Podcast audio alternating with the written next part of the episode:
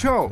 Ja arī tevi interesē uzturs, tad tu esi īstajā vietā un laikā. Klausies Kristīnas Podvīnskas podkāstu par uzturā aktuāliem jautājumiem.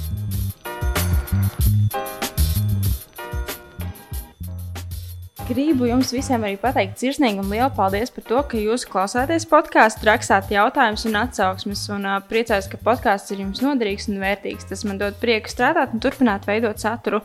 Un tiešām liels, liels paldies arī tiem, kuri raksta tās tēmas, par kurām gribētu dzirdēt, jo viņas īstenībā ir ļoti daudz, un man nevienmēr ienāk prātā kaut kāda tēma, kas jums interesē. Tā kā ir vēl paliels viesu saraksts, ir paliels tēmu saraksts, galvenais ir darboties, strādāt, un podkāsts būs un dzīvos, un viss notiks. Un jā, ir tā, ka īstenībā šī tēma man pašai ļoti interesē, un kā jau jūs redzējāt storijos, tad šodien mēs runāsim par ādu. Un, uh, ir ļoti, ļoti, ļoti daudz dažādi mīti, dažādi pieņēmumi. Nu, ļoti daudz kas par ādu, ko mēs varam izlasīt dažādos internetu saitos un tā tālāk. Bet es sapratu, ka nav ko gudrot. Ir jāuzaicina kāds speciālists, kurš zina par šo orgānu. Starp citu, jā, āda ir orgāns. Par šo orgānu ir daudz, daudz vairāk nekā es. Un, es priecājos, ka šodien pie manis ciemos ir Anna Minda Un man prieks, ka savā aizņemtajā grafikā atradi laiku, lai viesotos podkāstā.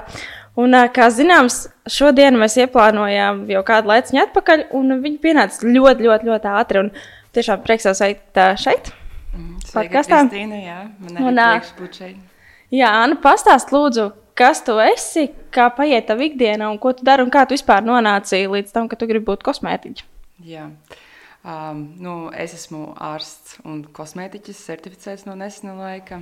Uh, jā, nu, šī ir man tāda arī unikāla pieredze, jo parasti ar saviem pacientiem un klientiem runāju dzīvē, tāpēc, uh, un vienmēr sagaidu kaut kādu atpakaļ atgriezenisko saiti. Um, bet nu, šeit ir tāda saruna ar tevi, un cerams, noderīga būs arī klausītājiem.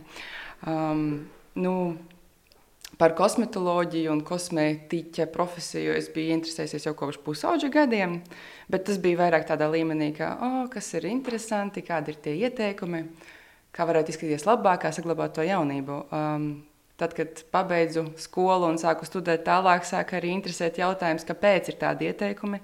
Un tad arī es nolēmu, ka papildus savai augstākajai izglītībai gribu arī apgūt kosmētiķa izglītību, lai varētu tos ieteikumus pilnveidot un arī sniegt pēc tam citiem cilvēkiem. Sanāk, ka tu mācījies paralēli gan par ārstu, gan par kosmētiķu. Jā, pēdējā studiju gadā tā sanāca, tas bija ļoti intensīvs. Um, Jā, kā tev izdevās to visu tā kā apvienot?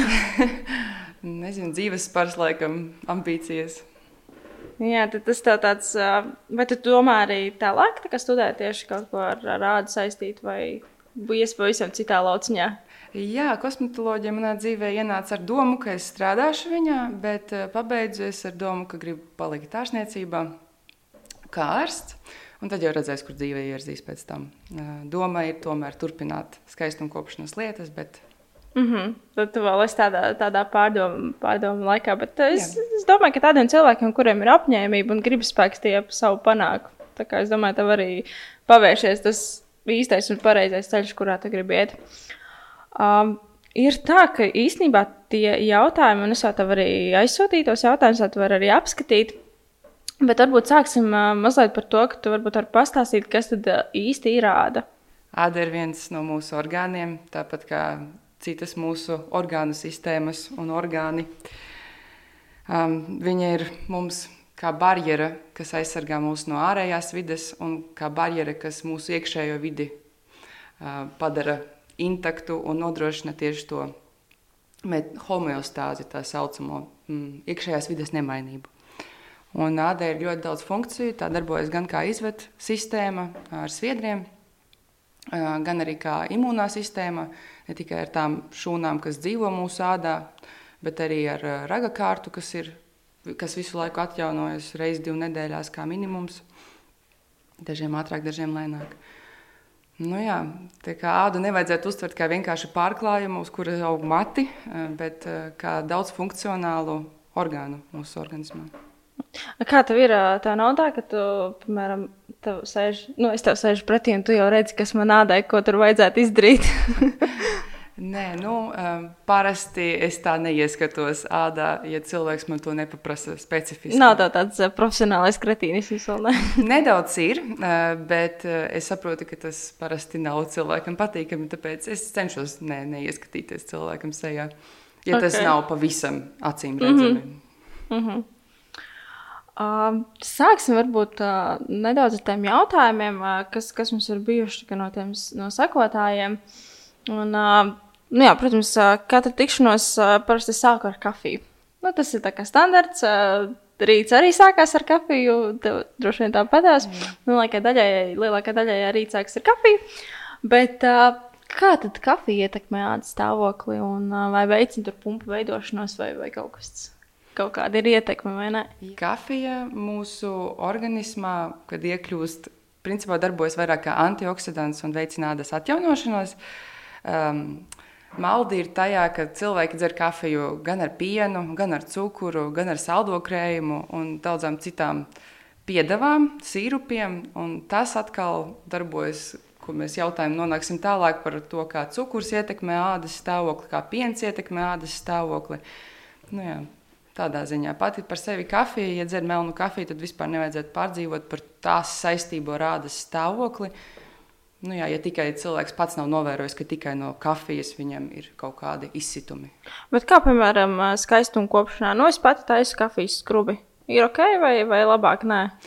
Nu, skrubi vispār kā tādu uz sejas. Nē, nē, domāju, tieši nu, ķermeni, uz sejas kafijā. Uz sejas skrubi kā tādu labāk, nē, jā. ja nav okay. tādu specifisku nepieciešamības tādas. Bet uz ķermeņa, principā, jā, āda ir biezāka un kāpēc ne? palīdzēt jā. vienreiz nedēļā noskrubēt savu ādu. Nu jā, īsumā ātri pastāstīšu, pastāstīšu kā es taisu. Man ir uh, kafija, uh, tad ir uh, vai, vai cukurs vai sāls mazliet. Uh, nu tā jau ir jau izlietot jau kafija. Uh, tad ir uh, medus bišķiņi, bišķiņi kaut kāda augu eļa un klāt uh, apelsīna etriskā eļa un viss gatavs. Tā kā, nu, ja kādam varbūt noder nevis tādā uzreiz to kafiju, bet uh, noderēs arī tādā veidā. Bet atcerieties, ka neuzsējas. Jā. Jā. Uh, nākamais, kas, kas, kas, uh, kas ir par alkoholu. Vai tas atstāja kaut kādu ietekmi? Alkohols noteikti atstāja uz ādas iespaidu, uh, uz ādas novērojamās izmaiņas. Bieži nāk pirms jebkurām citām izmaiņām organismā. Un parasti tas ir saistīts ar asinsvadu struktūras bojājumu. To mēs redzam kā uh, kuperozi, kā rozācijas, pastiprināšanos, kā asinsvadu zvaigznītes, jeb telēngiektāzijas, vai arī pastiprinātu kapilāru tīklojumu dažādās orga, sejas, sejas vietās vai ķermeņa vietās. Nu tā, principā it kā varētu teikt, ka izdzerot vienu vīna glāzi nekas nebūs, jā, bet, ja grib mēģināt riskēt ar savu skaistumu un novecošanos, tad droši. Bet saka jau, ka it kā neesot nemaz tik slikti. Nē, nu, protams, vienkārši, ja tiešām ir tāds jautājums par to, vai alkohols ietekmē, ietekmē. Jā. Mm -hmm. um, ļoti daudziem interesē tas, kā saglabāt tomēr ādu veselu, tvirtu, svaigu. Un, uh, kas, kas tad būtu tas, ko mums vajadzētu vairāk uzņemt, vai kaut kādas konkrētas vielas, konkrēti produkti, mm -hmm. ko tu, ko tu iesaki? Tieši no uztura. Jā, jā nē, nu varbūt vai uzturvielas uzturs, jā. Nu, veselas ādas pamats ir vesels organisms. Um, vesels organisms mums ir tāpēc, ka mēs ēdam pilnvērtīgu uzturu un izguļamies. Un tas principā ir pats pamatu pamats, un klāt tam ir ādas kopšana. Regulāra, rutīnveida kopšana, Nu, tā kā viss, viss kopā, vai ne? Tas ir tāpat kā cilvēka veselība. Nevar pieiet tikai sports un uh, fiziskā sakta, nu, sports un uh, veselīgs uzturs. Vai tur uh, veselīgs uzturs un miegs ir jābūt visam kopā, vai ne? Tas pats arī uz ādu. Tieši tā, tieši tā. Protams, ka var ļoti labi iedarboties lokāli uz ādu. Piemēram, seju skaisti sapucēt, sakrāsot un tā tālāk. Bet, ja grib tieši veselu, tvirtu, starojošu ādu, kur līdz vecumdienām saglabāsies līdzīgā konsistencē, ja, ja tā var teikt, tad, eh, tad tas ir viss kopā tikai komplekss pasākums. Mm -hmm. uh, tagad modē tāds arī trends, man liekas, jau pāris pēdējos gadus, jau, nu, jau kaut kādu ilgāku laiku, ir citronūdens dzeršana. Jā. Kādas ir tavas domas par šo? Jā, nu, citronu ūdens tieši es saprotu, ka jautājums ir par to citronu ūdeni, jā, nevis jā. ūdeni kā tādu. Um, ja cilvēks ir pārliecināts, ka citrons ir svaigs bijis, jā, ka tā, viņš nav zaudējis savas antioksidantu īpašības, tad, atgriežoties pie tā paša jautājuma par kafiju, tad viņš darbosies principā pozitīvi un labvēlīgi uz ādu. Sakarā ar to, ka vienkārši novāks tos brīvos radikāļus un veicinās ādas atjaunošanos. Bet, nu, ka tas būtu kaut kāds maģiskais līdzeklis? Nē. Nē, bet es domāju, ka drīzāk tāda bija arī tā, tā jautājuma būtība. Vai tiešām tas būtu kā magic pill? Nē, tas kā palīga līdzeklis noteikti. Mm. Maģiskais nav. Uh, viena arī no tādām populārākajām tēmām un problēmām ir akne. Un, uh, par akni ir ļoti daudz dažādu rakstu, dažādu pētījumu. Nu, vienādi sakot, viss vis kaut, vis kaut kas. Bet uh, kā ir tavā pieredzē? Nu, kas ir tas, kas viņu tiešām izraisa, un vai tiešām tik ļoti uh, daudz aizliegtais un lamātais piens ir tas, kurš to izraisa, un, un cukurs. Mm -hmm. Kāds, kā tev ir bijusi pieredze ar šo? Nu jā, pareizi saki, ka informācijas ir ļoti daudz, un ar viņu tiek spekulēts tā, kā katram patīk. Es centīšos atbildēt uz šo jautājumu tā vairāk no medicīniskās puses. Jā varbūt ar kādu viedokli arī nesaskanēs. Um, tas, kas izraisa akni kā tādu, ir hormonālais fons un baktērijas visvairāk. Piens arī ietekmē, bet um, tas nav pats galvenais faktors, uh, kuru vajadzē, uz kura vajadzētu brukt virsū, tad, kad cilvēkam ir akne. Tas nav noteikti primārais. Tā ir arī ādas kopšana, kuru cilvēkiem bieži klibo.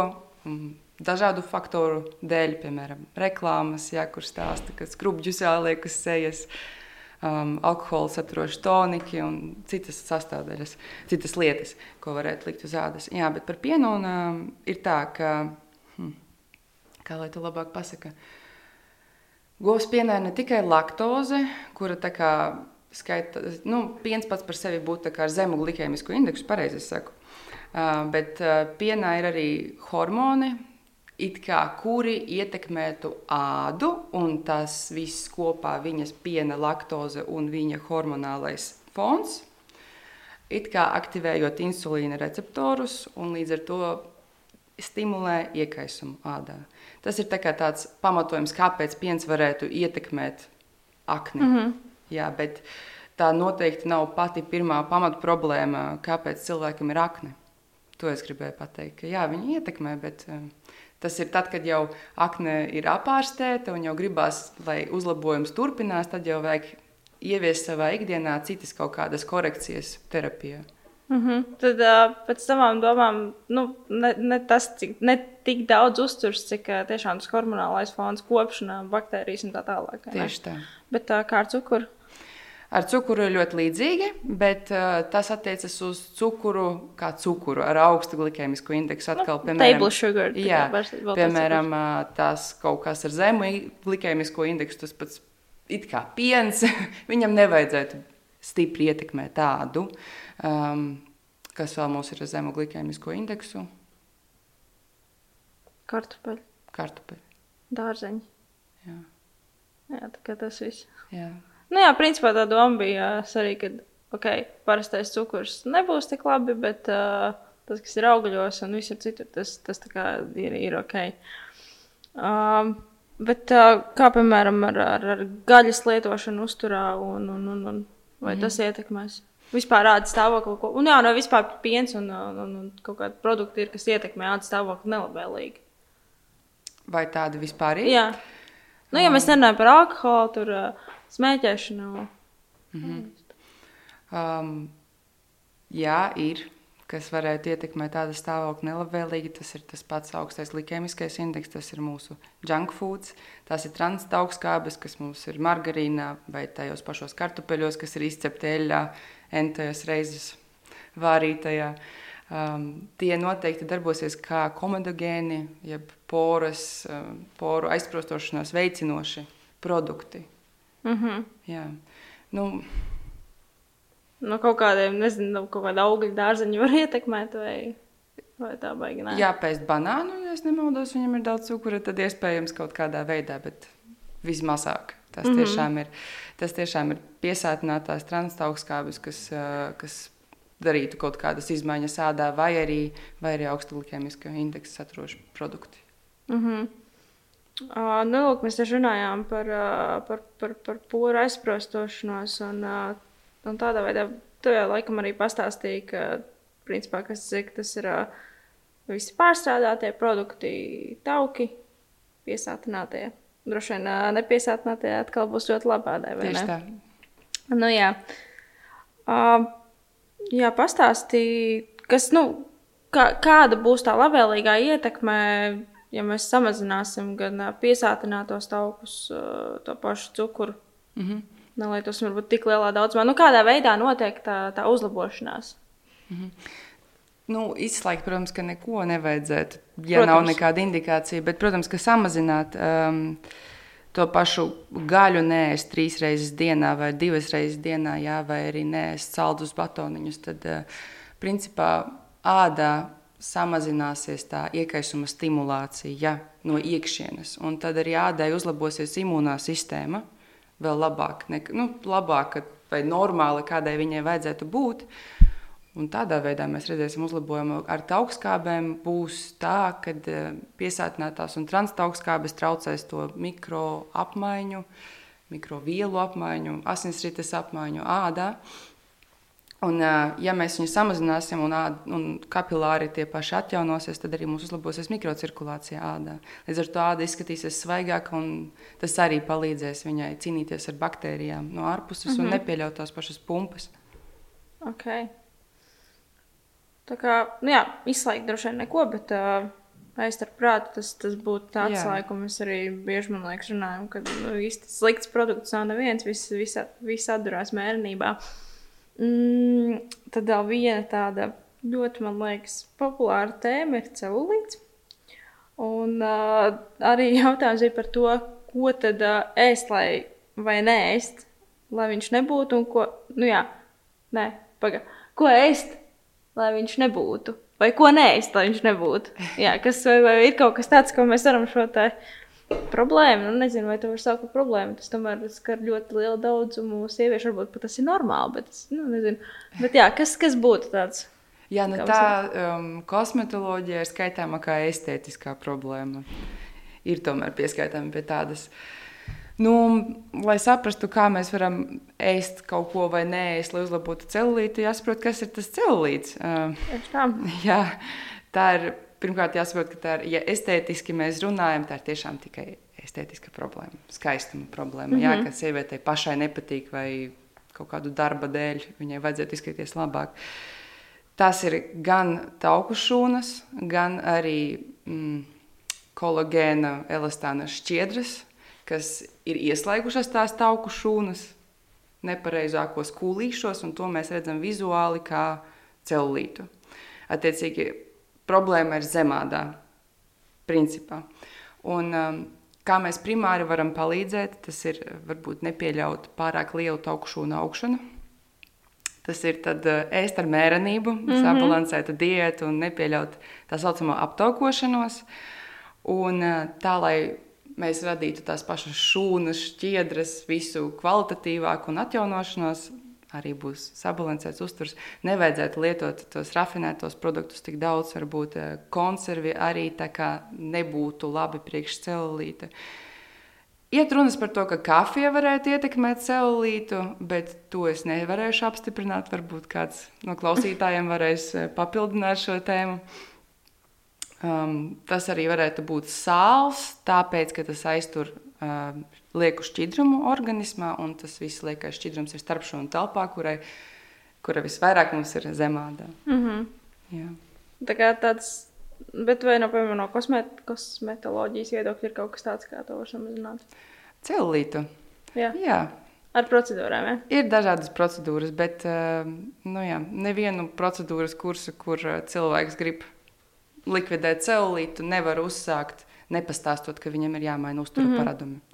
À, tad viss tomēr sākās ar uzturu, un tad, tad jā, varam iet pie kosmetologa. Jā, noteikti. Uh, piemēram, cilvēkam ir izteikti celulīts, un viņš grib notievēt, jā, tad es silti iesaku tomēr tās kosmētiskās procedūras, jo uh, mikrocirkulācija cel celulīta rajonā ir samazināta, un līdz ar to pēc tam var būt tādas kā novecošanās pazīmes, tieši tajā skartajā ādas rajonā, ko cilvēkam noteikti negribas. Viņš grib notēvēt, un viņš grib būt skaistāks. Tad nu, es iesaku investēt tomēr kaut kā.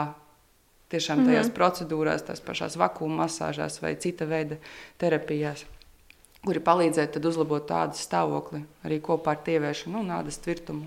Kā piemēram, fiziskās aktivitātes? Jā, nu, notēvēšanas ziņā tas ir labi. Bet vai labvēlīgas celulīte? nu, tas ir tiešām um, tā, ka samazināt taukušu un daudzumu. Mm -hmm. Arī sportistiem ir celulītes.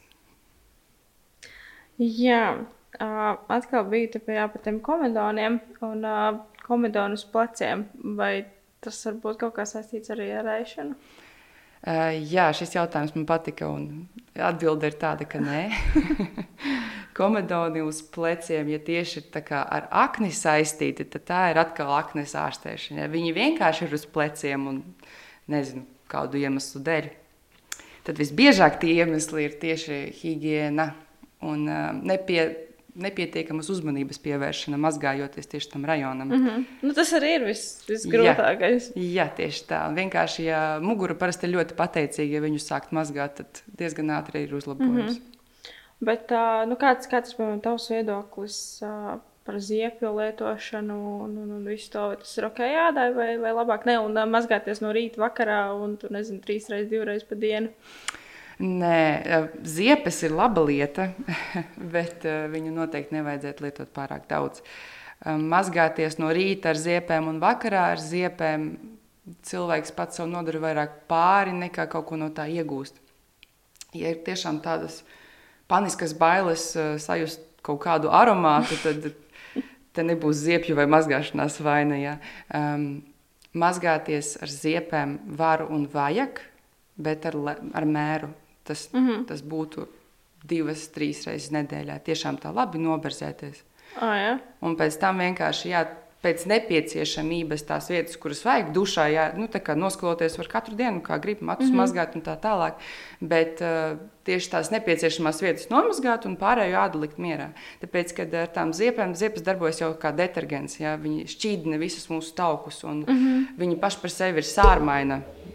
Tām ziepēm ir sārmaina vide. Uh, Un uh, mūsu ādai atkal ir skāba vide. Un tad mēs katru reizi, kad mēs tās ziepes uzliekam, mēs izmainām visu vidi. Ja, ja piemēram, uz ādas mēs tāpēc, lai to vidi normalizētu, liekam toniku, tad mm -hmm. uz ķermeņa es tā neesmu dzirdējis, ka cilvēki specifiski liek tos dārgos tonikus, ja, jo viņi taču arī naudu maksā. Parasti tiek jā. uzmērēts kaut kāds krēms un viss.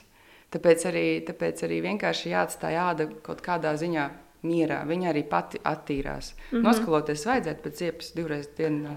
Bet tad tu saki, ka, piemēram, nu, pēc sporta, cik es zinu, daudzi klausītāji arī nodarbojas ar fiziskām aktivitātēm. Un es pats, tad, principā, pietiek, es tur nezinu, izmazgāju padus ar ziepēm un pārējie vienkārši noskaloju. Vai... Jā, principā Jā. pietiek. Jā, higienas ievērošana Okay. Hiena tika ievērota, tāda sajūta, man liekas, būtu, ka es netīru, bet nu, labi, bet varbūt ir jāapmēr. Nē, es vienkārši dzirdēju to, ka, jā, ka ziepes nav jālieto katru dienu, bet man laikam liekas tāds, nu kā, ja parasti kā švāme, duša želēja, jā. visu, tad... Bet, jā, jā, tad... Nē, nu, tie ir ieradumi. Ja cilvēks tā ir darījis no paša sākta gala viņas dzīves, cik viņš sevi atcerās, tad tur jau neko vairāk neizmainīs. Visticamāk, kāda jau arī ir pieradusi. Bet, nu, ja pieaugušas cilvēks sāk pēkšņi sportot, ja, un uh, to dara četras reizes nedēļā, un tās četras reizes nedēļā stipri noberzēs ar ziepēm, nu, dabūs diezgan ātri dermatītu vai kaut kādas citas ādas saslimšanas. Mm -hmm. um, jā. Uh, par kaloriju deficītu, kas arī ir tāds labs jautājums, vai tas var ietekmēt tādu stāvokli? Var.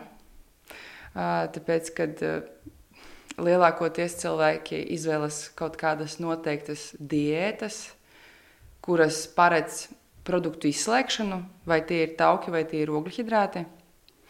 Ir jāuzsver, ka ādai ir nepieciešami gan tauki, gan ogļhidrāti. Gan arī olbaltumvielas. Viss ir nepieciešams, mm -hmm. lai ādas struktūra būtu pareiza un viņa varētu darboties. Tas ir pirmais moments. Un otrais ir tas, ka tā tievēšana, diētas, um, Nereti notiek ļoti strauji. Cilvēkiem patīk ātri redzēt rezultātu. Jā, Jā. protams.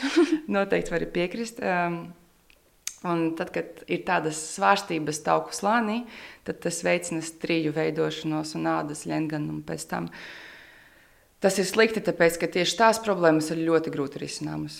Tur eļļas nepalīdzēs, ja nekādas. Ne, eļļas nepalīdzēs, un nereti nepalīdz vairāk jau arī nekas. Un tāpēc tādā ziņā ietekmē ādas stāvokļi ļoti drastiski. Tur jāpieiet par prātu. Tā kā es jau arī par to celīti teicu, ja cilvēks ir nolēmis notievēt un tā skaisti notievēt, ja, nu, varbūt perfektu nevarēs viņam neviens apsolīt, bet tādu skaistu tad ir jāpiet kompleksitai lietai klāt. Ne tikai es tagad nēdīšu, bet ir jādara, jāpievērš uzmanība un jāsteigā vai no procedūriem, vai mājās jāveic viņas. Nu. Mm -hmm. Tad, principā, arī ar kaloriju deficītu prātīgi uzņemot visu, nemēģinot nekādas diētas, un tad arī viss būs kārtībā, ja būs tikai pārdomāts. Jā, mm -hmm. tieši tā. Jā, un arī tas pats. Uh, tauku. Es nezinu, cik, cik ļoti sievietē mādu ietekmē tieši, ne, nu, ietekmē, protams, mēneša, mēneša, pirms mēneša reizē, mēneša reižu laikā. Viss arī mainās. Droši vien tas, ka tauku samazināšanās, uh, kur estrogēna sintēze notiek, tas jau arī kaut ko ietekmē. Ne? Āda. Um, jā, ja, ja tas ir domāts, ka tagad vispār nav mēneša reižu vai kā. Nu, piemēram, nu kā nu, kaloriju deficīts, samazinās tauku slānis. Uh, pazūd mēnešreiz. Ja, nu. jā, jā, protams, ka tas maina hormonālo stāvokli visai jā. organismā un arī pēc tam ādā. Nu, jā, tā kā tiešām uzmanīgi jūs esat izdomājuši, izdomājuši kaut kādu diētu, tad uh, labāk konsultēties tomēr ar speciālistu, lai nav pēc tam tā, ka ir pro, rodas problēmas, kuras grūti risināt. Uh, jā, atkal atgriežamies pie aknes. Un aknu vīriešiem bija specifiski tieši uzdots par uh, aknu vīriešiem. Mm -hmm. Jā, nu, akne vīriešiem ir tāda pati akne kā arī sievietēm. Tas, zini, es atcerējos līdzīgi, ka ir proteīns tur vīriešiem un proteīna pulveris sievietēm. jā, nu, jā, cilvēkiem jā, jā. patīk nodalīt, bet nē, nē, akne vīriešiem, um, diemžēl, ir arī izteiktāka. Kaut gan iemesli ir ļoti līdzīgi kā sievietēm, vīriešiem viņi ir izteiktāki, tāpēc, ka viņu vīrišķie hormoni darbojas uz mūsu tauku dziedzeriem, tieši vīriešu tauku dziedzeriem viņi tos paplašina. Nu, arī uz sieviešu vienkārši mums tas tā, tā kā mazāk piešķītīs karam, viņiem, viņiem ir vairāk to hormonu. Paplašina tos dziedzerus un arī veicina izdalīšanos sekrēti tieši tajos dziedzeros. Mm -hmm. un, uh, Tas izmaina mūsu uh, ādas normālo skābo mantiju. Kā jau es teicu, āda ir principā skābāka vide, viņa kļūst sārmaina un tur iedzīvojas baktērijas. Tāpēc uh, vīriešiem parasti tās saknes ir vairāk ko varētu darīt no uztura. Liekas, nu, ja tā padomā, ka tagad es ēdīšu tur estrogēnu saturošus kaut kādus produktus, ja, soju vai dzeršu alu visu laiku, un tad uh, akne pāries. Nu, tas arī nav tā. Um, bija kāds kādu laiku uzskats, ka, piemēram, ja ēdīs, uh, ja dzers tos sojas proteīna pulverus, mm -hmm. uh, kad vīriešiem būs ginekomastija, jeb krūšdiedra palielināšanās. Tas tā kā neapstiprinājās. Jā, um, Un tāpat arī ar alu, kas notiek, ir vienkārši aptaukošanās. Nav tā, ka tie cilvēki, kas dzer daudz alu, viņiem ir ideāla āda. Jā. Bet tu zini, nu, pavisam nesen bija arī viens vīrietis, un uh, viņš pie manis griezās arī ar dažādām problēmām. Un, uh, nu, viņš teica, ka viņam, viņš ne alu vai vīnu dzer. Es tagad neatceros. Un viņš teica, nu, jā, ka ir, ir nu, jā, ka tur katru vakaru tur vīns vai jāls un tā. Un, protams, Bet es atceros, ka viņš es viņam pateicu, nu, cik tev ir gadi. Viņš ir 36, un tā paskatās uz viņa ādu, un es viņam dodu kaut kādu 24. Jā, nu. ah, nu redz. Tā kā tā ir sagadīšanās. es domāju, varbūt gēni vai ne? varbūt. Jā. Nē, bet tas, ko es ar to gribēju pateikt, ir tas, ka tikai ar ēdienu akti neizārstēs. Tagad, kad eh, sāks tos pašus soju dzert, jā, varbūt kaut kas uzlabosies. Varbūt. Mm -hmm. Placebo līmenī principā tie pierādījumi ir. Bet tas atkal ir tas pats. Tā ir iekšķīgā terapija, tā ir lokālā terapija pie kosmētiķa un dermatologa. Mm -hmm. Tas, tas, ko es arī savam brālim saku, ka nu, viņš rāda daudz saldu, nu, tiešām daudz. Un, uh, Tad viņam sāka parādīties 11 gados pumpas, un kaut kas, un viņš izdomāja, ka viņš ir rītīgi izslēgts visu, un tad viss pazudīs. Nu, protams, izslēdz norājās, izslēdz norājās. Es saku, nu, bet nē, tev ir jāpadomā par kopšanu un visu pārējo, vai ne? Nu, tas, tas kārtējo reizi vienkārši pierādās. Nu, jā, tā kā arī vīriešiem ir jākāpjas aizsā. Bet īstenībā man liekas, ir tāds baigais diezgan daudz vīriešu vidū, ka viņiem nu, neko nevajag. Viņiem nevajag ne krēmus, ne tur mm. uh, mazgāties, nu neko. Jā. Kā, kā ir tagad, varbūt tagad jau ir labāk. Nav nu, tik traka tā pretestība. Nu, teiksim tā, ja parāda vīrietim mērķi kaut kādu, tad viņš arī parasti iet uz to mērķi. Mm -hmm. ja? Um, ja salīdzina vīriešu klientus un sieviešu, parasti vismaz vīrieši, ja, viņiem ir pastāstīts, ka tev ir jādara tas, tas un tas, lai to būtu laba āda, tad viņš vismaz to kursu noteikti izies. Sievietēm ir tendence parunāt ar draugiem, saprast, ka ir kādi citi ieteikumi un visu kursu mest pie malas. Mm -hmm. um, Jā, es teiktu, ka tendence ir pozitīva. Vīrieši lēnām arī sāk vēlēties kopt savu ādu. Tas ir arī saistāms ar to, ka mūsdienu sabiedrība prasa izskatīties labi, pievilcīgi. Dažas darba vietas, piemēram, pieprasītas, jā, nu, aiziet pie klienta. Tev ir jāpa, jāprezentē sevi, tad, kad tu ienāc pa durvīm, un tad viņi ir arī ir ieinteresēti radīt savu tēlu un līdz ar to arī kopt savu ādu. Kāds tavuprāt būtu tas uh, vīrieša kosmēt, kos, kopjošās kosmētikas, jā, tas minimums? Jā, vīrietim nav nekāda liela problēma ar sejas ādu, tad uh, principā tas būtu tas pats mazgāšanas līdzeklis, toniks un krems mm -hmm. pēc nepieciešamības. Nu jā, tā kā vīrieši nebaidieties, arī jums ir jākop savu ādu. jā, un tie arī nav tik daudz produktu. Jā, nav tā, ka mums tur ir tāds krēms, tāds krēms, tāds serums, krēms acīm, krēms uz acīm un vēl viss kaut kas. Jā, nē, krēms acīm arī noteikti. Es vienkārši negribēju baidīt cilvēku. ah, jā, uzreiz. jā, jā, jā. Nu, jā. Atkal atgriežoties pie sievietēm, nu, es domāju, arī es ar to pati sastopos. Uh, pumpas pirms mēneša reizēm, pumpas mēneša reizes laikā, āda vienkārši šausmas. Mm -hmm. nu, ko darīt? Vai, vai ar uzturu mēs varam kaut kā palīdzēt, vai, vai pilnīgi nekā? Jā, nu, mm, ja cilvēks grib to saistīt tikai ar uzturu, tad uh, mans ieteikums būtu ieviest tādu kā dienas grāmatu, kas tiek ēsts otrajā cikla pusē. Mm -hmm. uh, jo āda mums atjaunojas katras divas nedēļas, līdz ar to varēs izsekot, kuri bija tie produkti, varbūt, kurus es iekļāvu un kuri man veicināja kaut kādu pumpu parādīšanos. Ja tomēr to negrib saistīt ar, ar ēdienu, tad tas ir tomēr vairāk hormonālā lieta. Mm -hmm. Jā.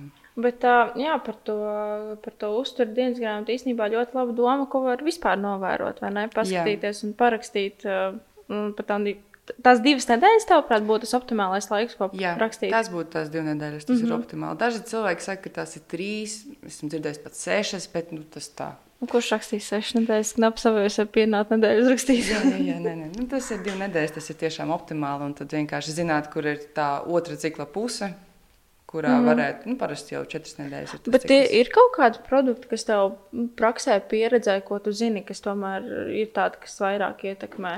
Nē, tas ir katrai meitenei ļoti individuāli. Varbūt dažādi. Jā. Ok.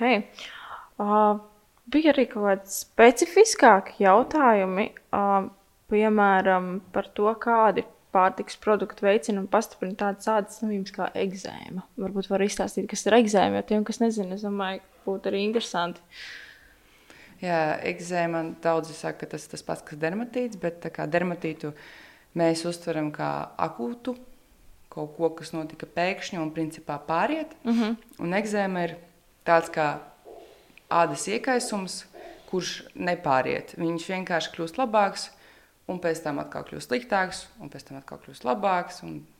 Tā tas cilvēks arī dzīvo ar savu ekzēmu. Mhm. -huh. Vai nu, kā citiem patīk to dermatītu saukt.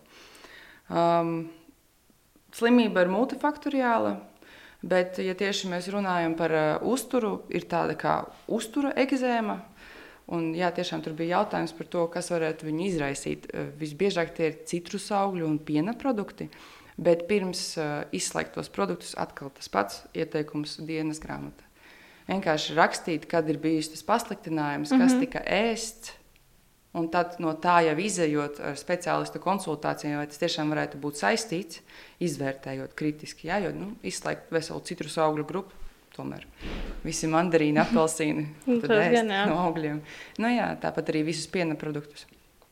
Tāpēc vienkārši tā būtu tā dienas grāmata, kā varētu sev palīdzēt. Bet ir vēl kaut kādas ādas slimības, kas iet tādā ciešākā saiknē ar uzturu? Jā, man padomāt. Tad. Nu, tas pats cēlīts. Mm -hmm. Nu, pa lielam jau, ja tā pati akne jau viņi ir, uh, viņi arī kaut kādā ziņā, vai ne? Kaut kādā ziņā, jā. jā bet uh, tā, ka no uztura man būs kaut kāds tādas problēmas, kas nav slimības, mm -hmm. Īsti nē. Ja runājam par alerģijām, Nu jā, ir- tad tās, protams, Jā. bet es sapratu, ka tā tādā kā pastāvīgām Jā, slimībām. jā, jā. Nu, nē, nē. Jā. Um, par šķīdruma uzņemšanu, nu, tā ietekme uz ādu. Nu, es parasti saku, ka pusotrs litrs ūdens dienā vismaz. Ne, Neskaitām uh, visas kafijas, tējas, uh, visu, kas augļos dārziņos, bet es arī neskaitot fiziskās aktivitātes. Saka, nu, pusotru litru ūdens uh, noteikti vajadzētu izdzert. Um, kādas ir tās tavas domas par uh, vispār šķīdrumu uzņemšanu, cik daudz mums vajadzētu, kāda ir nozīme un, un vispārējais? Nu, es atkal skaitu gan tējas, gan kafijas. Tas ir šķidrums priekš manis. Nu, arī slimnīcā tas viss tiek uzskatīts par uzņemto šķidrumu. Um, cik cilvēkam vajadzētu izde, izdzert, tas ir tāds individuāls jautājums. Um, bet, piemēram, tie trīs litri, tas ir pa daudz. Ūdens vai Jā. vispār viss kopā? Um, šķidrums un Tu kopā? ūdens. Ok. Viss kopā. Bet, ja arī cilvēks izdzers tikai ūdeni, 3 litrus un vēl tur 10 tasas kafijas mm -hmm. vai kaut ko, nu, ja mēs tā skaitām, tad tas arī nekas labs nebūs. Um, ādas veselība un šķidruma uzņemšana ir tāds, um, varbūt pat nedaudz maldinoša lieta. Mm, Tad, kad cilvēks dzer vairāk ūdens, it kā liekas, ka viņam būs ātrāki tie visi metabolie procesi, ātrāk atjaunošanās un būs mazāk grumbu. Beigu beigās ir tā, ka cilvēks izdzer daudz ūdens, viņam ir vienkārši zemādas tūska, un mm. viņš ir pa kilogramu smagāks. Jā, viņa āda varbūt nedaudz izskatās labāk, bet eh, tā, ka ūdens dzeršana mūs tieši ietekmē ādas izskatu, novecošanos, nē.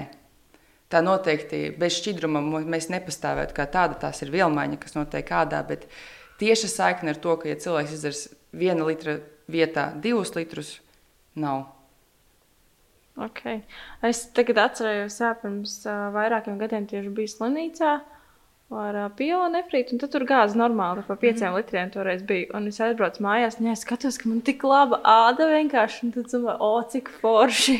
Jā, gan jau, ka pie pielnefrīta gāja arī antibiotikas, kas Jā, jā, darbojas uz nu jā, baktērijām, kas ir jā, arī uz jā, ādas. jā. un tad Tādēļ arī varēja būt. Protams, ka, ja ir nieru slimības, ja ir kaut kāda nierekmeņa, tad tas ir urīndzenoša iedarbība no ūdens. Tad tas ir kā ārstēšanas etaps kaut kāds, mm. -hmm. kā ārstēšanas daļa, ka ir jādzer daudz ūdens. Bet, ja nav nekāda tāda indikācija, ka vajadzētu dzert ļoti daudz ūdens, cilvēks nesvīst, cilvēkam nav drūdzis, cilvēkam nav caurējis vai kaut kādas jau minētās mm -hmm. nieru slimības vai urīnpūšļa tad uh, tas ir malds, kad ir jādzer 3 litri vai 2 litri, lai āda izskatītos labāk. Mm -hmm.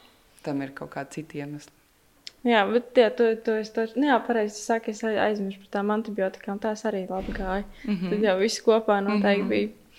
Uh, pie cukura, uh, laktozes, piena ir, ir vēl viena uzturviela, kas, nu, vai uztur, ne, uzturviela gluži nē, bet uh, viela.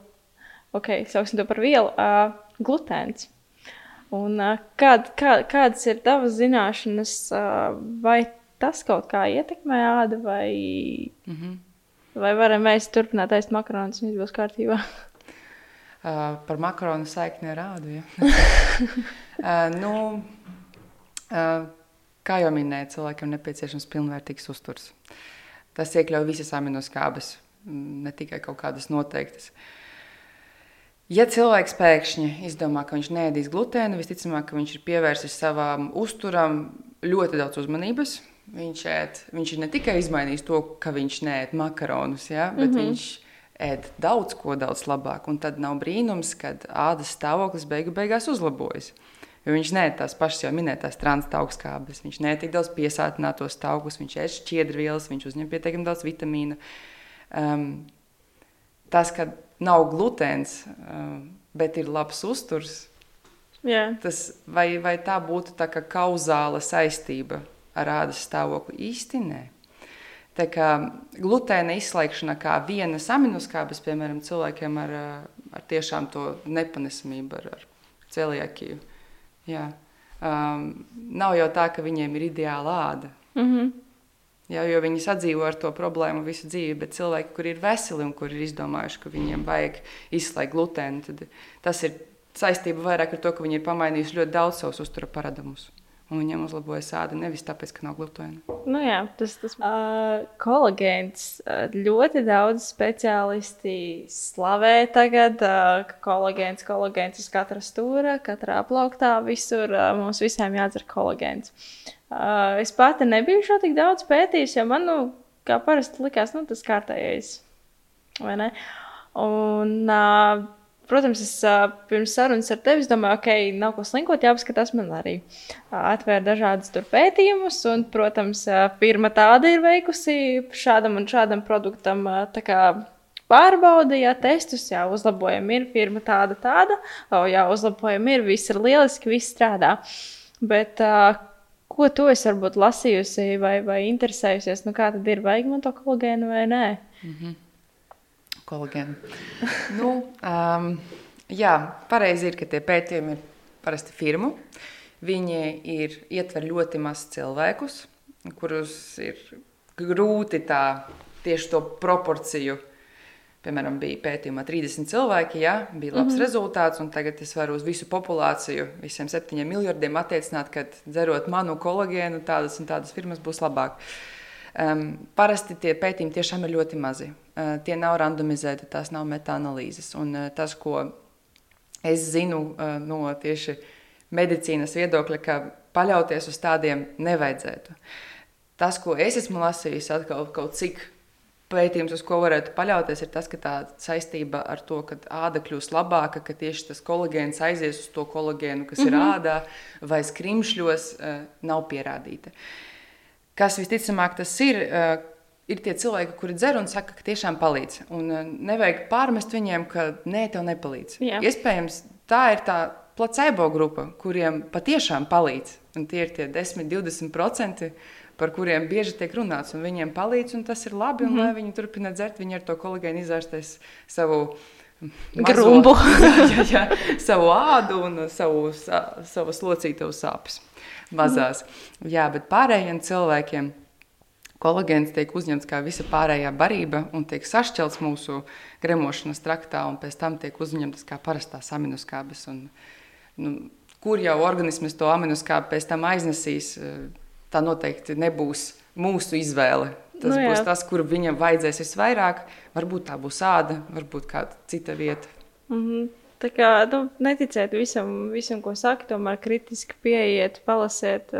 Jā, tā kā Tieši, tieši manas domas, ko tu teici, tāpat aminoskāba vien ir, un tas ir tas pats, kas ar BCA, kas ar multivitamīniem un vēl vis kaut ko. Ok, ja jums palīdz, eh, tad arī saviem klientiem saku, ja tev palīdz, viss kārtībā, turpin lietot, bet Jā. Citādi. Jā, objektīvi Jā. nav tam, nav vēl pamatojums, kāpēc tas, vajadz, kāpēc tas varētu palīdzēt. Mm. Jā. Varbūt pēc laika, kad netaisīs firmas, tad kaut ko vairāk uzzināsim. Jā, nu vienkārši jābūt vairāk pētījumiem, lielākiem, mm -hmm. tad varēs arī secināt no tā. Um, kas ir tavuprāt tie pieci pārtikas produkti, kuriem būtu jābūt katrā, es teikšu, kosmētikas maciņā, jā, bet īstenībā jau leduskapī? Jā, nu, tas, tas man arī patika šis jautājums, jo hm, viņu, viņu tā nevar viegli noformulēt. Tās ir vairāk pārtikas grupas, kurām būtu jābūt. Bet, nu, kā pirmo gribētu minēt, tomēr treknas taukainas zivis. Tu pati ēd? Uh, jā, cenšos. nu, cik nu sanāk? Parasti cenšos vienreiz nedēļā, bet nu, cik sanāk? Uh, tāpēc, kad viņas mums palīdzēs tieši ādas epidermu atjaunot un līdz ar to ādas veselību. Uh, kā nākamais būtu avokado, arī tieši to pašu iemeslu dēļ, pie tam kā arī vienkārši labs dārzenis. Auglis. Jā, auglis. Jā. es viņu par dārzenu visu laiku uzskatu. Jā, viņš ir auglis. Man šķiet, ka Rīgā ir viņš pie izvēles dārzeņa. Ah, jā? Nu, tāpat kā tomāts. Ah, nu, ot. nu jā, tāpēc. Tagad, tā... tagad tu arī zinās, kas ir auglis. Nu, jā, paldies. Uh, tie būtu arī nu, dārziņi, jā, jā. gurķi, brokoļi, vis kaut kādas saknes. Tas būtu tas tādā ziņā, ka tās ir šķiedrvielu avots. Organismam ir labi, kad vi, viņš ir mainībā. Jā, tas ir, ja salīdzina hm, upi jā, un purvu. Nu, tīrāks ūdens vienmēr ir upē, un tāpat arī ir nu, ja tā poetiski mm -hmm. salīdzināt, arī mūsu organismā šķidrvielas veicina to, to virzību, kustību kuģa zarnu traktā un līdz ar to arī metabolismu kā tādu uzlabo. Un tad kā vēl vienu varētu minēt augļus, um, tomātus. no, nu jā. jā, šoreiz nekļūdījos. Um, tādā ziņā, ka tie darbosies kā anti antioksidanti un arī, arī kā šķiedrvielu avots. Un, uh, kā pēdējo, bet ne mazāk svarīgāko, tās būtu olbaltumvielas, vai tā būtu gaļa, vai tas būtu piens, vai tā būtu soja, nu, kas nu cilvēkam patīk, mm. vai tas būtu kaut kāda uh, citu ēdienu produktu kombinācija. Nu, jā, tas būtu, ko es varētu ieteikt. Nu, gluži pieci nesanāk, tas ir tiešām liels komplekss. Mm -hmm. Tā kā jā, ir viss. Jā, nu, zivis, avokādo. ko, ko tu domā, ko tu iesaki no zivīm īstenībā? Jā, nu, lasis tas būtu. Mm -hmm. Kaut kādas citas treknas zivs, bet lasis tas tiešām ir laba, vērtīga zivs. Mm, bet kāds tavs domas, piemēram, par uh, omega-3 kapsulām? Tās ir labas, bet viņas ir jāliet ilgstoši. Ja tieši gribās uz to ādu kaut kādā veidā iedarboties, palīdzēt viņai atjaunoties un ietekmēt viņas imūnosistēmu, tad viņas būtu jālieto vienkārši ļoti ilgi. Cik? Tā būtu vismaz mēnesis. Mm -hmm. Un pēc tam jau skatoties, ja paliek, ja paliek labāk, ja ir kaut kāds uzlabojums, tad varētu arī turpināt. Mm -hmm. Ok. Uh, Baigi forši bija uzdot arī jautājumi par, par kopšanu, un, un kas varbūt nebūs tik ļoti par uzturu, bet es domāju, ka mēs uh, varam parunāt arī par tiem, kas, kas ja, ja tu man esi atnākusi, tad es gribu to tomēr dabūt visi no tevis. Uh, Tā, jā, par sejas mehānisko tīrīšanu mājas apstākļos, kā labāk un vai vispār to darīt. Un es uzreiz tā pastāstīšu arī no savas pieredzes. Man ir tā, me, es nezinu, tā skaitās mehāniskā vai ne, bet tā birstīte, kas kaut kāds pāris gadus bija baigi populāra. Nu, es jā. paņēmu. -hmm. Sākumā to lietoju katru dienu, bet tad pēc tam kaut kā sapratu, ka īsti labi nav. Tad pārgāju tur vienreiz nedēļā vai vienreiz divās nedēļās. Bet, nu jā, gribētos tomēr speciālistu viedokli. Kā, kā tev šķiet? Jā, tās birstītes ir mehāniskā tīrīšana, un tā bija liela bēda. Nu, varbūt prieks tiem, kuri, pie kuriem pēc tam tie cilvēki nonāca ar sabojātu ādu, ja, bet tā ir mehāniskā tīrīšana mm -hmm. arī. Um, bet es saprotu, ka jautājums ir par tieši pumpu spiešanu, komedoņu atvēršanu un komedoņu izspiešanu un tādām lietām. Nu, ir jāsaprot tas tīrāmais laukums, mm -hmm. kas tiks tīrīts vispār Um, ir jāapzinās savas spējas, vai to cilvēks spēs izdarīt pietiekami tīri, lai neienestu lieku infekciju. Vai mājās tīrīt? Nu, protams, ka meitenes to dara. Es uh, varu runāt, ko es te gribu, bet meitenes to darīs. Uh, vienīgais, ko es varētu ieteikt, ir tas, ka tad, kad meitene izdomā to mehānisko tīrīšanu veikt, tad viņai nevajadzētu vienkārši pieiet pie spoguļa ar tām pašām rokām, ar kurām viņa tikko grāmatas, un datorus un telefonus ir grābstījusies, un tad pielikt pump, pie pumpas un kārtīgi izspiest. Nē, gan āda ir jāsagatavo, gan, gan tās rokas ir jānomazgā. Jā, āda ir jāsagatavo, ka viņa ir jānomazgā. Viņai ir jāuzliek pīlings, vai tas būtu augļu skābju pīlings, vai tā būtu enzīmu pīlings, vai peptīdu pīlings, kas nu viņai ir, labāk mm -hmm. neskrubis. Jā, un tad viņu noņemt, tad kā, notīrīt tādu ar kaut kādu antiseptiķu, jā, un tad tikai tīrīt to vietu, vai arī jau visu ādu. Mm -hmm. ja. nu, tomēr mehāniskās tīrīšanas fans es neesmu. Um, bet ir gadījumi, kad bez viņas arī nevar. Jā, piemēram, ja cilvēkam ir tā kā komedogēnā akne un grib palīdzēt tieši no ārvides, um, lokāli iedarbojoties, tad mēs varam likt tos pīlingus, augļu skābes un citas lietas, cik mēs gribam. Ja pora ir cieta, viņa arī neko neuz, neuzsūks. Ir arī daži momenti, kad būtu jāpatīra. Bet kā spiest maziņu komedonu mājās, Labāk, ir lielāka nē. iespēja, ka ienesīs infekciju nekā kaut kādu skaistumu. jā, kaut kādu skaistumu tieši tā. Bet, uh, jā, tas saka, ka skrubiem nē. Mm -hmm. Kāpēc? Tāpēc, kad uh, skrubis sastāv no tādām mazām daļiņām, jā, vai nu tas ir cukurs, vai kafija, mm -hmm. vai kas nu viņā tur ir. Un uh, viņš darbojas uz principa, tad, kad tu viņu masē, tad viņš arī darbojas. Uh, vai, vai, piemēram, tu spēj izmasēt seju visur vienmērīgi? Droši vien, ka nē. Jā. Sanāks tā, ka vienā vietā pamasē vairāk, otrā mazāk, trešā vispār gandrīz izlaid, un ceturto izberzē gandrīz vai pilnīgi mm -hmm. līdz kaut kādam vidējam epidermas slānim. Un tāpēc tie skrubji, viņi nepilnīgi notīra, vairāk pat kairina ādu, nekā sasniedz to mērķi. Mm -hmm. Tāpēc nē. Yep. Kāds būs jāmet ārā? Nē, uh, ķermenim. Nē, tērā, nē, protams, ka tos krūbus labāk ķermenim lietot. Um, uz sejas labāk ir enzīmu pīlingi, ir uh, augstskābju pīlingi. Tos var arī iegādāties. Viņi gan nav visur, Mhm. -huh. jo nu, komerciāli ir tomēr izplatīts tas skrubis, jo viņi, nu, klientiem patīk. Viņu var uz rokām paberzēt, cilvēks uzreiz jūt kaut kādu iedarbību. Jā, piemēram, tas pats enzīms, neko nesajūtīs. Uh Mhm. -huh. Vienkārši šādi attīrīsies, tas ragas slānītis nonāks nost. Okay. No, tā. Ne viss, bet nonāks. Jā, tad, tad, tad būs jāpašo, jā, jāpārdomā. Es visu laiku arī pati lietoju, nu, sejas skrubi, mm kā, nu, kā speciāli domā to sejai. Bet, un, bet ko tu domā par to birstīti, jā? Vai, pie, piemēram, vienreiz nedēļā, vai vienreiz divās nedēļās? Jā, ja, piemēram, ja patīk tev tas tā birstīte, mm -hmm. un tas skrubis te pats mīļākais, un diedēļ nemet viņu ārā un turpina lietot, bet jā, vienreiz nedēļā.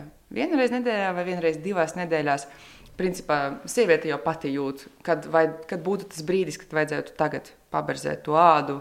Liekas, ka viņu mm -hmm. varētu paņemt no kaut kur tāds grubulītis jūtas, un uh, kosmētika vairāk neklājas tā, kā gribētos. Um, vienreiz nedēļā, vai vienreiz desmit dienās, vai vienreiz divas nedēļās, varētu arī iziet mm -hmm. ar mehānisko. Tā kā ne, ne, ne katru dienu, bet bija tāds periods, ka bija arī katru dienu. Jā, uh, te jau bija tāds specifiskāks jautājums, bet uh, par taukainu sejasādu konkrētās zonās. Un, un, un citās zonās atkal lobās. Mm -hmm. un, kā, kā ar tādām problēmām var būt tik galā? Jā, nu, varbūt pat varētu šo jautājumu atbildēt, jo tas ir tik daudzām meitenēm. Es, es pirms sāku studēt tieši kosmē, kosmētiķi profesiju kā tādu. Es pat, pat nebiju iedomājusies, cik daudzām meitenēm ir to problēmas. Lieta ir tāda, ka atnāk cilvēks, meitene vai vīrietis, un viņš stāsta.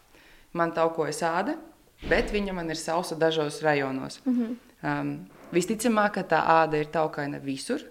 Vienkārši cilvēks mājās agresīvi skrubē to ādu, vai nu katru dienu, vai divas reizes dienā, vai es nezinu, ko viņš vēl tur var lietot, to pašu alkoholu, ja kaut kādas tās melnās maskas, kuras vienkārši izsausina visu to seju.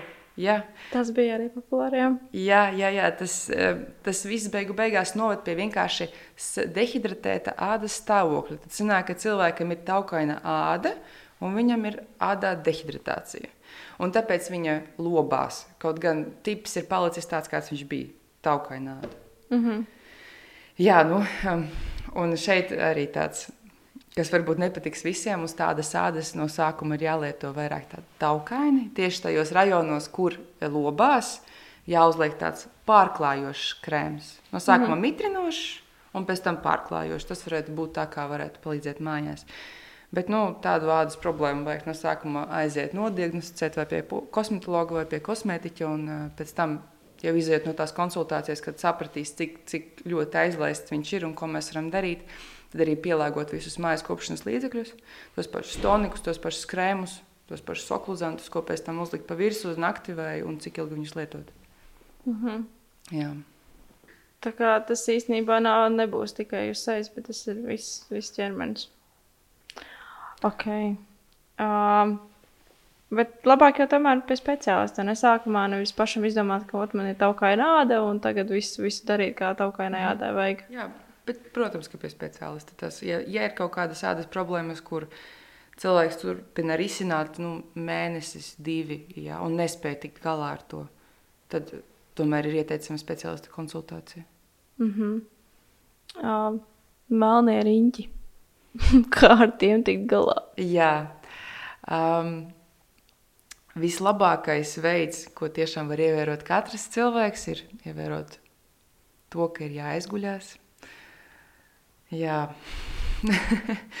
un to, ka ir jāatpūšas, to, ka ir jāievēro to, ka ap acīm arī jālieto kosmētika, atbilstoša acīm. Sejas krēmu nevajadzētu smērēt uz acīm, jābūt acu krēmam.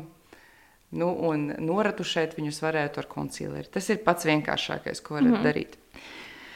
Um, problēma tajos melnajos vai zilajos riņķos zem acīm ir tāda, ka ap acīm ir ļoti. Uh, bet asinsvadu tur nav mazākā citā ādas daļā. Un līdz ar to viņi spīd cauri un liekas, ka viņi ir zili, melni, atkarībā no izgulēšanās pakāpes. Ja? Um, vienkāršākais veids, es jau pateicu, kas varētu būt nākamais, ir um, tas, ka tā āda tur arī nereti ir pigmentēta. Tad varētu mēģināt cīnīties ar to pigmentu ap acīm. Tas būtu uh, augļu skābi lobošās procedūras vai kaut, kādas, uh, kaut kādi lāzeri. Acīm, un, ja tomēr tas nepalīdz, un uh, cilvēks ir ļoti ieciklējies uz to, ka viņam ir tie riņķi un viņš ar viņiem grib tikt vaļā, tad var mēģināt jau pie profesionāļa uh, injekcijas. Mm -hmm kas vienkārši padarīs to ādu biezāku un tie kapilāri vairāk nespīdēs cauri. Okay. Tas jau man liekas, tas pēdējais droši vien. Jā, ne, nu, tas ir. Un vienkārši tāpēc es teicu, ka pats vieglākais ir tas pirmais izgulēties uh, un koncīleris. Mm -hmm. jā, jo visas tās pārējās procedūras tas tikai laika jautājums, kad tas būs atpakaļ. Nu jā. jā. Um, varbūt ne gluži arī jā, par uzturu un, un, un tā, bet uh, kas būtu jāievēro un kā būtu jākopja āda, ja bieži sportojums daudz, daudz klausītāju tomēr arī sportisti, un tas, man liekas, bišķiņi varētu būt citādāk nekā tad, ja mhm. tur mazāk sporto, bet tomēr tādas vīst un, un, un jā. ko tu iesaki darīt. Nu, par tām ziepēm uh, mēs jau Sapratu, runājām. Jā. jā, ķermenim ir tā, jā, protams, ka pēc tā, ka tu nosportojies, vajadzētu noskaloties. Nevajag iekrist otrā galējībā, ka es nekad nemazgāšos. Bet, jūs zināt, es ne, reāli nesaprotu. Uh, ir sievietes, kuras aiziet uz sporta zāli, un viņas pēc tam neiet dušā. Nu. Nu, varbūt viņas iesaistās mašīnā un aizbrauc mājās dušā. Varbūt. Varbūt. varbūt. jā, nu, nevajag iekrist galējībās. Nevajag katru reizi skrubēties, mazgāties ar ziepēm, un nevajag arī nemazgāties pavisam. Tomēr noskalot to sakrājušo sviedru slānīti vajadzētu, jo tas atkal ir otrs, kad tur savairosies tās baktērijas un arī būs dermatīds. Viss ir līdzsvars. Noskaloties vajadzētu, mazgāties kā principā parasti vai pēc nepieciešamības. Um, vairāk ir saruna par to sejas sādu.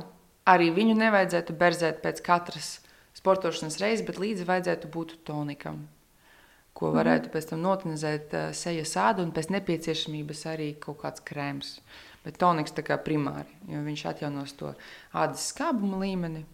Jā. Un arī radīs to komfortu, lai nekur nevilktu pēc tam. Jā. Mm -hmm. Tad sanāk, jā, bet kā, kā tu, piemēram, pareizi iesaki, ja lieto kosmētiku, tad ir uh, micelārais, tad ziepes, tad tonikas, serums, krēms vai ziepes, uh, micelārais, tonikas, serums, krēms. Ziepes ķermeņa nē, vispār. Nē, nē, nē. Nu, es domāju, ka sejas mazgājumās. Jā. Um, nu, sejas mazgājumās var būt nu, vai nu ziepes sejas mazgājumās, vai kaut kādas putas sejas mazgājumās, vai micelārais ūdens. Nevajag abus. Nevajag abus. Tad viņus jānoskalo visu. Micelāru ūdeni arī nevajag uz ādas. Ar ziepēm nomazgās ādu, nu, kosmētiku. Ar sejas mazgājumu. Ar sejas mazgājumu vajadzētu nomazgāt, okay. jā. Nu, bet parasti ir kaut kādas kosmētikas noņem, noņemšanas. Līdzeklis mm -hmm. tajās ziepēs, kā iekļaus. Nu, vienkārši kā detergents, viņš, jā, viņš noņems to. Un uh, pēc tam, kad ir nomazgāts lielais netīrums no sejas ādas, uh, ir jāuzliek toniks, jānotonizē sejas āda. Un pēc tam jau sievietei jāskatās, vai vīrietim, vai nu viņai vajag krēmu vai nevajag krēmu. Lielākoties jau cilvēki lieto to krēmu. Ja, ja piemēram, dienas laikā iziet ārā, tad tas būtu noteikti SPF krēms mm -hmm. saturošs. Ja, piemēram, uz vakaru nav nekādu sejas problēmu, tad var uzlikt vienkārši toniku, jūt to komfortu sejas ādā un variet gulēt. Ja ir kaut kāda problēma, ko gribās risināt, piemēram, sausums, tāpat dehidratācija, ja, tad uh, ir attiecīgais krēms. Mm -hmm. Ja. Un, ja tad... gribās kaut kādu ampulu, tad tas ir pirms krēma. Tad tu domā, ka krēms tikai tad ir kaut kādas problēmas vēl? Jā, krēmu nevajadzētu lietot divus gadus no vietas. Pats tagad viss būs jāpāršķiro. nu, jā. Rāda vienkārši ir tā, jā, kad um, ļoti daudz ir mītu par to, ka tas viss ir saistīts ar ēdienu, bet ļoti daudz kas ir saistīts mm -hmm. ar tieši kopšanu. Un, uh, liekas, ka vieglāk būs kaut ko neapēst vai kaut ko apēst, nekā tiešām mainīt savu ikdienu un uh, sākt rūpēties par viņu pareizi. Mm -hmm. Un tā kā atzīt sev, ka pirms tam, nē, nu, laikam biju kaut ko nepareizi darījis. Nu, tas, tas, jā, to es arī uzturējumā ļoti bieži redzu un sastopos. Jā, bet ko tu domā par ķermeņa krēmiem? Arī nevajag. Kad, kad vajag, tad vajag. Protams, vai arī, piemēram, nu, ir sajūta, ja, ka bijis tur vannā, saunā, noberzējis visas ādas kārtas, nu, tā kā mm -hmm. pārnestā nozīmē, tad varētu uzlikt krēmu, protams. Bet tā, ka katru dienu pēc dušas likt krēmu bez jēgas divu gadus no vietas, neaizdomājot, kāpēc pirms tam es neliku krēmu un viss bija kārtībā, un tagad es neuzlieku, man ir sausāda, velk vai vēl neskas. Mm -hmm. Nu, nē, tas ir jau iedzīvošanās galējībās. Krēms ir arī tāda kā nu, terapijas sastāvdaļa. Tomēr viņu ir jālieto tad, kad viņu ir jālieto, un viņu nav jālieto tad, kad nav nekādas nepieciešamības. Okay. Man patīk. um, jā, bija arī jautājums par uh, to, kas izraisa ēdi un taukainu ādu. Jā, uh, ēdi izraisa, es saprotu, ka daudzkrāsaino ēdi tā ir sēnīte. Un sēnīte parasti ir tāda, tā, tā daudzkrāsaina ēde, ir tāda parasti krūšu apvidū vai uz muguras, tur, kur ir silts un mitrs un ik pa laikam iesīst. Un kaut kādas imūnsistēmas svārstību rezultātā tā ēda ir attīstījusies. Mm -hmm. um, ēdiens to ietekmē tikai tā, ka, piemēram, cilvēks vispār slikti ēd, bez nekādiem vitamīniem, bez nekādām taukskāpēm, bez nekā, tad vienkārši malnutrīcijas fona arī var tās senīt attīstīties. Un taukaina āda, taukaina āda ir iedzimts ādas tips, kurš, uh, kurš nav izraisīts. Mm -hmm, to jā. mēs nevaram tā kā nekādi. Nē, ādas nu, stāvokli mēs varam jā, ietekmēt. Jā, mēs varam ietekmēt to, lai viņa netaukotos tik ļoti. Jā, bet uh, tas, ka cilvēkam ir taukains ādas tips, tas viņam neviens vairāk nevarēs atņemt. Vienkārši vajag iemācīties jā, ar, ar viņu sadzīvot.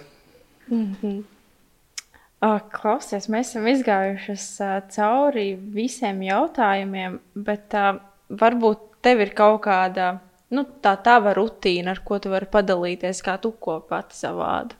Sejas ādu kopjas divreiz dienā, no rīta un vakarā.